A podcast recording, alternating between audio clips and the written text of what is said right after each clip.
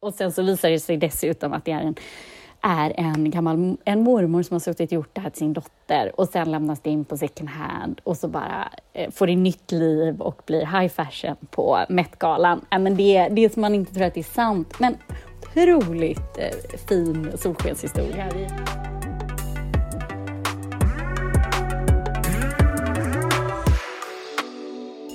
Ja, Ja, men jag tänkte vi skulle prata lite om eh, tv-serien The White Lotus som nu finns på HBO Nordic och streama. Och den är ju eh, något helt annat. Jag som upplever en viss så här, serie streamingtrötthet, att jag har, det kanske är för att jag har eh, fött två barn och varit föräldraledig och gravid. Jag har sett liksom så mycket serier så jag känner bara att jag är lite trött på att streama serier, om man får säga så. Det är ett väldigt ilandsproblem av Guds nåde. Men eh, den här var ju bara något helt annat. Den är ju, ja, vad ska man säga, eh, rätt bizarr och ganska tänkvärd och lite så, man får en sån lätt obehagskänsla av att ha sett den. Verkligen. Vi ska ju säga det också, att vi kommer inte spoila slutet. Har man inte sett serien så är det ingen fara. Det är en estetiskt väldigt snygg serie. Alltså bara introt och intromusiken är så liksom lockande och som du säger, det ger en så här obehagskänsla men ändå liksom eh, ja, verkligen så inlockande tycker jag. Eh, och eh, det handlar ju om ett eh, så här, lyxhotell på Hawaii eh, och så kommer en grupp rika vita människor dit som ska ha en, ha en semester och sen liksom blir det drama på olika sätt. Och, och det, är liksom, det jag älskar med serien är väl att det är så bra karaktärer och karaktärerna eh, förändras och ens, i alla fall mina sympatier ändras eh, ut med seriens gång. Eh, och eh, de man kanske hatar i början är man inte riktigt lika säker på i slutet och så vidare. Nej men verkligen, det är som någon slags Norén-pjäs med grekiskt drama med någon ja, deckar... Ja. liksom svung på det. Att den blir liksom, mm, den det byggs upp. Också. Det är verkligen ett kammarspel. Jag, jag hörde det att det är ju eh, det är inspelat under covid, så det är ju det är liksom en tight cast och de är ju på samma ställe. Det, det är liksom en location, det är ju det här hotellet. Liksom.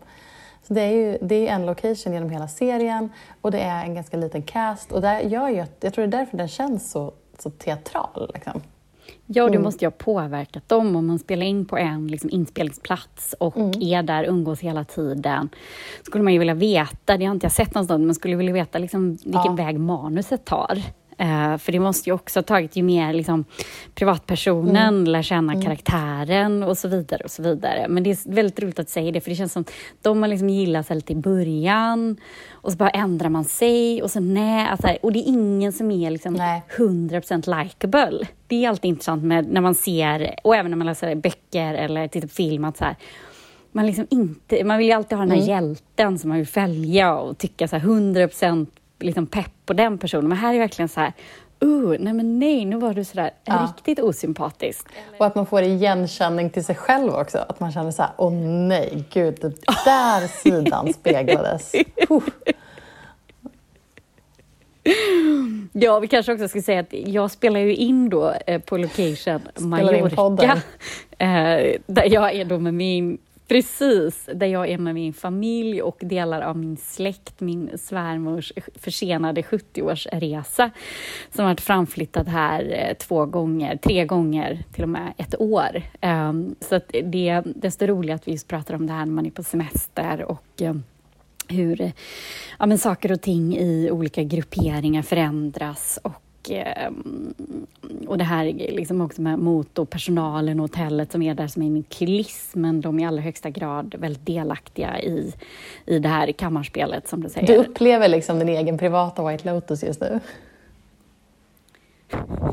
ja, men, okay, inte riktigt så, kanske riktigt sån car crash, men, men det är klart att det är, ni vet ju det är att vara på semester. Om man bara så är med sin lilla familj, men om man är sin utökade familj, det är, eller man åker med vänner, så det är ju klart att eh, förväntningar eh, på varandra och på hela upplevelsen och sådär. Det är klart att det, och man kanske sitter i, har möjlighet att sitta länge och prata om, ja men de pratar en del politik mm. och, och så vidare i den här, mm. så eh, det är mm. klart att det är så när man är på semester.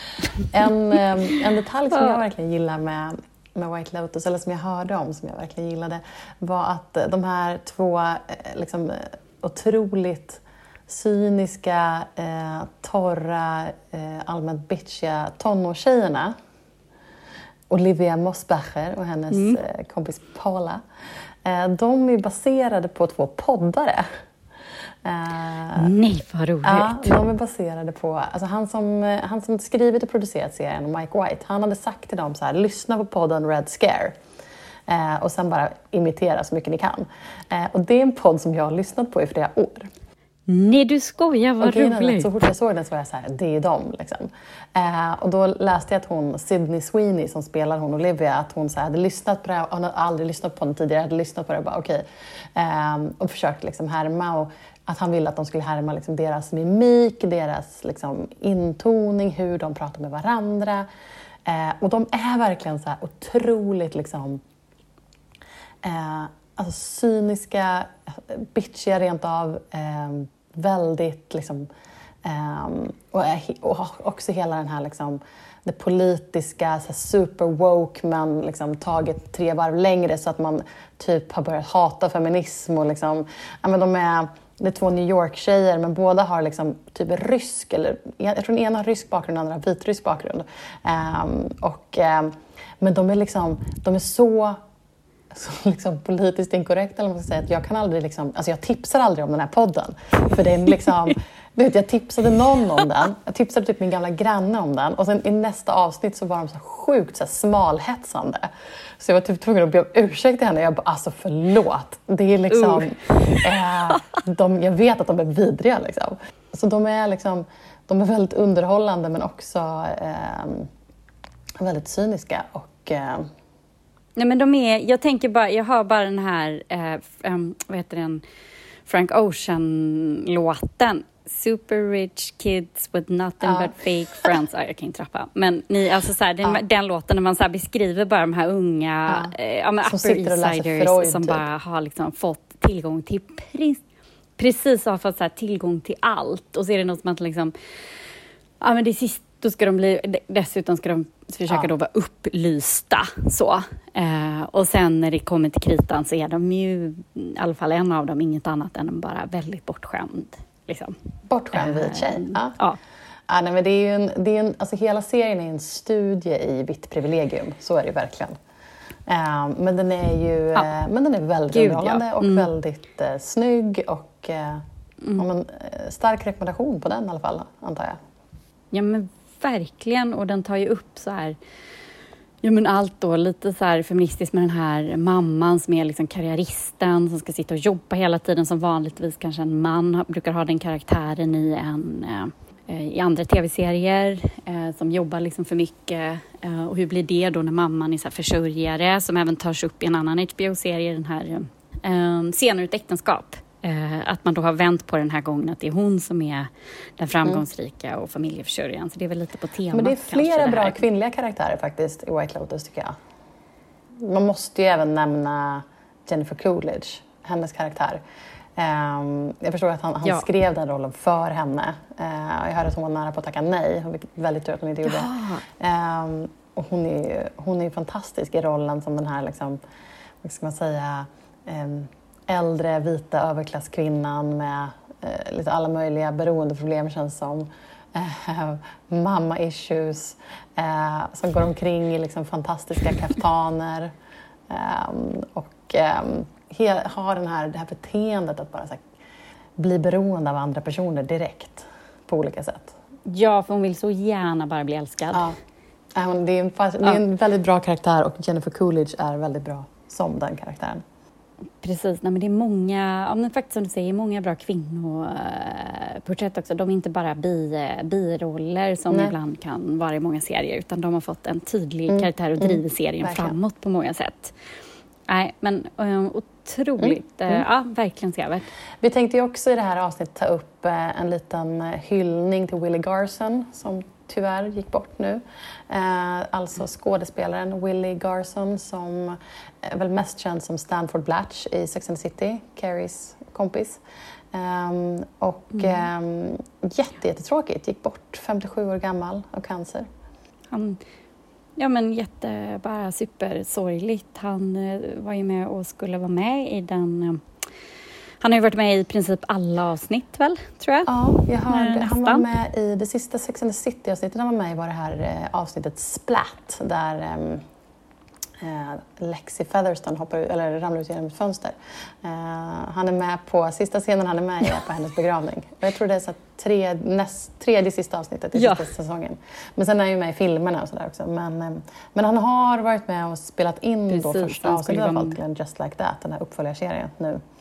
Um, men um, det har ju varit fullt ja. nu liksom, på Instagram av hyllningar till honom från alla Eh, så medspelare i Sex and the City och från andra människor i underhållningsbranschen som hyllar honom. Han verkar ha varit en väldigt liksom, älskad person. Många som tar upp att han var väldigt rolig och eh, att han var en väldigt bra pappa. Att han har en, han har en son som hade skrivit någon fin hyllning till honom och sådär.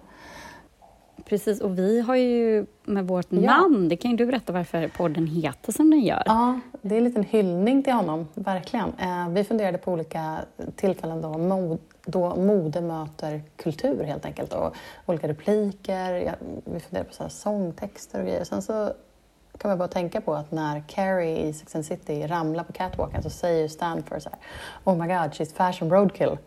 Um, och uh, då så, Fashion Roadkill kändes bara som ett, det skulle kunna vara ett punkband, det skulle kunna vara en podcast. Uh, och uh, ja, jag vet inte, vi landade helt enkelt på det. Vi hade en, en annan grej som vi var sugna på att prata om, Valentino. Ja, precis.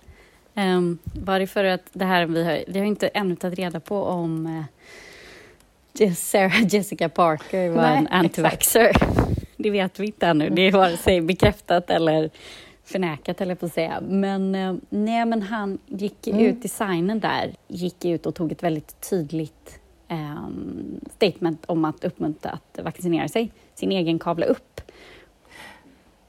Ja, exakt. Deras uh, creative director Pier Paolo Piccioli. Piccioli Ja. Um, och, eh, Dåligt uttal där. Men, och ja. gjorde en ganska snygg eh, take på Valentino-loggan. Ja, men gjorde en hoodie helt enkelt som det står så här “vaccinated” med eh, Valentino eh, V. Um, och ehm, jag tyckte det var väldigt roligt för att de är liksom, eh, tydligen så, dels kommer de eh, donera en del av liksom, inkomsterna till Unicefs, World Health Organizations, deras globala COVAX program. Um, men sen så, det här var liksom ett samarbete som de gjorde eh, det var ett samarbete som de gjorde med ett um, annat eh, uh, klädesföretag som uh, är från uh, LA, Cloney. Um, och istället för att, liksom, som många blir anklagade för nu, att härma eller sno design och så, så gjorde de ett samarbete istället.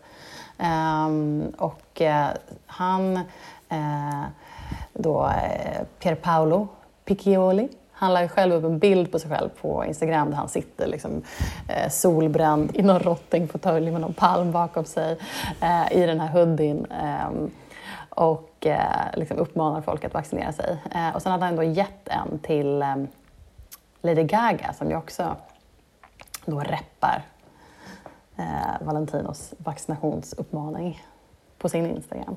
Bra, bra gjort av honom. Han är också väldigt rolig att följa mm, på okay. Instagram. Han är ganska personlig. kan ha så här, ja, men det kan vara skifta mellan att han visar kollektionsbilder till att um, han visar så här familjesemester. Så det känns verkligen som att han rattar sitt eget uh, konto som jag pratat om, mm. som det kändes lite som Donatella Visacci kanske gör. Så känns han också ganska personlig, även om det kanske är en assistent eller så vidare, men de har lyckats få det, ja, det är liksom inte bara varumärket uh, honom, utan uh, ja, en rolig kanal mm, att följa. Är roligt att stora, följa, stora varumärken vågar göra mm. någonting sånt här. Vågar ta lite ställning och eh, vågar, liksom, Valentino som kan vara liksom, den mest fantastiska haute couturen, även kan göra liksom, eh, en schysst hoodie med ett budskap på som känns, kändes snabbt. Ibland kan sådana stora, stora liksom, modehus kan kännas lite, lite um, sega. Det här tyckte jag kändes rappt. Ja, och det är ju faktiskt... Nu ska vi inte prata om andra samarbeten som gör, men jag, blev bara, jag kände att jag så stannade till när jag läste att Balenciaga har gått in och liksom sponsrar ah. Fortnite, ah. det dataspelet. Så man kan liksom klä sig i någon form av karaktär av så här Balenciaga Fortnite-karaktärer. Det här, jag kan ju mm. inte så mycket om e-sport, men håller på att försöka lära mig, för det är, det är en så mm. subkultur som jag inte vet någonting om, men jag vill lära mig om. Och eh, då i min research av detta så ramlade jag över, liksom, eh, ramlade jag över att Balenciaga då eh, ja, har någon form av Fortnite, klätt någon Fortnite-karaktär. Apropå att nu de här mm. Ändå anrika modevaruhusen eh, hittar nya vägar att jobba, bra eller dåligt. Man kan ju också ägna ett helt avsnitt av Fashion Roadkill med att alla logotyper numera ser exakt likadana ut. Och jag såg att även mm. Koss hade apat efter det här svarta typografin. Ehm, så det kan man ju också ägna ett helt avsnitt åt. Logotyp ja. Ja, precis. Men du, vad eh, älskar du på internet den här veckan? Mm. Ja men gud vad jag älskar på internet, det är ju ganska givet. Uh, då tar vi tillbaka till Met-galan.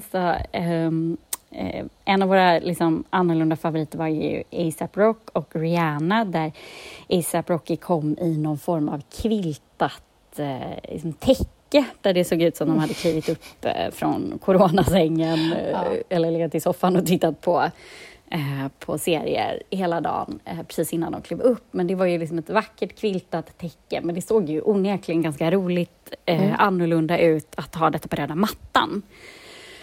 Det har ju då visat sig att det är ett gammalt kviltat täcke då en kvinna i, i USA har lämnat in det här till, eh, apropå älska internet, då har hon sett bilderna och tyckte att det påminner ganska mycket om hennes mormors täcke som hon hade gjort, mm. kviltat till sin eh, dotter, dotter, alltså den här flickans mamma. Och nosar upp bilder på det gamla täcket och det visar sig att det är det täcket och fått kontakt med designersarna och sen han som hjälpt designers att kvilta det här. Så detta är någon form av solskenshistoria där designern och hans team har hittat den här, um, på second hand, det här täcket precis på en second hand. Ja. Eh, du kanske vet var och hur, men i alla fall. Nej, jag vet bara att hon hade lämnat in det till en second hand och, de, och han har liksom bekräftat att det var på den second handen jag, jag plockade upp det. Liksom. Precis, och sen så har de lagat det, uppdaterat det, gjort, eh, lagat det, gjort ett foder och, eh, till ASAP Rocky och eh, då visar det sig att det är den här mormors eh, gamla lapptäcke som eh, som har fått gå röda mattan. Det är bara en helt liksom, underbar historia. Jag blev nästan lite gråtfärdig. Jag tyckte bara det var så vackert. Det var liksom återbruk och det var, och det var som när någon Vogue gjorde någon artikel om själva lapptäcket och var så här, nej men de är de enda som har så riktigt tagit så här, amerikansk historia, det finns en tradition med lapptäcken ja. i USA, har jag förstått inom historien, att man Verkligen har gjort de här från liksom, ja men precis, precis på prärien ungefär, alltså så här, gamla familjer att hålla sig varma och etc. etc. Mm. etc. Mm. Um, så de var så här, gud, han var den enda som riktigt tog temat. Och sen så visar det sig dessutom att det är en är en gammal en mormor som har suttit och gjort det här till sin dotter och sen lämnas det in på second hand och så bara eh, får det nytt liv och blir high fashion ja, på Met-galan. Ja, men det, det är som man inte tror att det är sant. Men otroligt eh, fin solskenshistoria. Vi, vi får länka på Instagram till den här kvinnans konto ja, så ni får läsa absolut. historien för man blir alldeles mm. tårögd. Mm. Ja, jättefin. Mm. Verkligen. Och Karin, vad älskar du på internet då? Ja, men den här, nu, det är så mycket just nu, det är modeveckor och grejer, men jag har faktiskt en lite... Man skulle kunna liksom gå in och älska... Ja, men Burberry har konstiga alvöron på sina visningar och det finns alla möjliga konstiga grejer just nu. Men eh, jag har faktiskt en liten otippad älska internet den här veckan. Eh, hashtag Free Britney har ju varit en stor rörelse Um, stor grej på internet senaste året uh, som ju är en fanrörelse skapad för att stötta Britney Spears uh, i hennes rätts eh, rättegångscase mot sin pappa som ju har hållit henne fast i ett eh, conservatorship, ett eh, konservatorskap i ja, Överförmyndarskap tror jag. Ett överförmyndarskap, mm. exakt så heter det på svenska. Eh, I um, ja, men, eh, jättemånga år och hon försöker nu ta sig ur det och den här Free Britney-rörelsen håller ju så här marscher och de gör, lägger upp massa liksom, på Instagram och, så där, och stöttar henne. Eh, och då såg jag bara en kanske lite otippad förkämpe för Britney. Um, kan du gissa vilken uh, gammal god 90-talskändis som En står upp för gammal Britney ordentligt? God 90-talskändare, Arnold Schwarzenegger. Ja. Nej, jag vet inte. Det är faktiskt gamla grunge-stjärnan Courtney Love. Åh, men det kan man ju ändå... Ah, Okej, Ah. det hade jag ju kanske Ah. kunnat ändå... eh, Ja, nej, men hon, dels så gjorde hon för ett tag sedan en så här superhärlig, så här riktigt raspig, grungeig egen eh, version av Britneys låt Lucky som ju typ handlar om det här som är så här, ah, she's so lucky, she's a star. Att, här, att man, inte, att man liksom inte kanske ser bakgrunden eh, på sådana stora stjärnor. Så hon gjorde en, liksom en, en akustisk version av den. Men nu så såg jag att eh, här eh, i veckan hade hon lagt upp en eh, grej på Instagram för då har hon blivit intervjuad. Eh, för första gången någonsin har hon gett en intervju där hon pratar om Eh, Nirvanas album Nevermind. Eh, för det är 30-årsjubileum eh, 30 för det historiska, ikoniska albumet. Och då för första gången så pratar hon med en reporter som heter Charles Cross från LA Times om det här albumet. Men då i Instagram-posten så skriver hon så här ah, I spoke with Charles Cross and the LA Times, my hometown paper. Men sen inom parentes skriver hon så här Is Britney free yet? She isn't? Well then, I'm not going back hon bor ju i London nu. Men då kommer jag inte tillbaka till LA. Åh gud. Ah, Ja, det tyckte jag Courtney. Love skulle man ju också kunna ägna ett helt avsnitt åt. Där finns ju mycket att Så- prata om.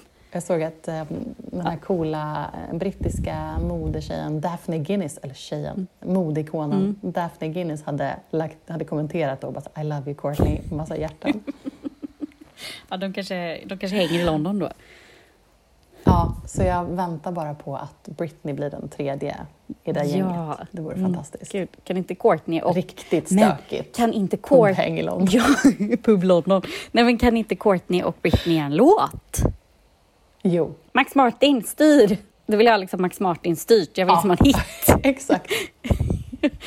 Max Martin, Lyssna, lyssna på det här. Detta. Shellback. Omedelbart. Vad heter de mer? Vad heter han som fick eh, det svenska exportmusikpriset? Han är ju en, åh, typ Oscar eller något sånt där, eller vad han heter, som också ingår i det här Wolfpack eller det här runt eh, Max Martin. För övrigt också något jag skulle kunna prata om i en hel evighet, hur mycket jag älskar hela Max Martin, Shellback och Ja. Wolfpack eh, em, kollektivet. Ja. Jag tror faktiskt att eh, Courtney Love i det här, när hon lägger upp det här klippet när hon sjunger Lucky, då säger hon någonting i stil med att så här, ah, det här är eh, typ att eh, ackorden är så konstiga, det är av någon sån här svensk snubbe. Så här. Åh gud, underbart. Ja, det, precis. Någon som känner, om någon mot förmodan skulle lyssna på det här och känner Max Martin och så tycker vi att det är bara givet. Skicka en låt. Ja, exakt. För ihop Courtney, Britney, eller framförallt kanske någon cool svensk producenttjej som kan skapa Tove någon typ av... eh, Mm. Ja, exakt. Det vore väl fantastiskt. Ja, mer modenyheter nästa vecka tror jag. Precis. Så tackar vi för oss ikväll. Godnatt. Hej.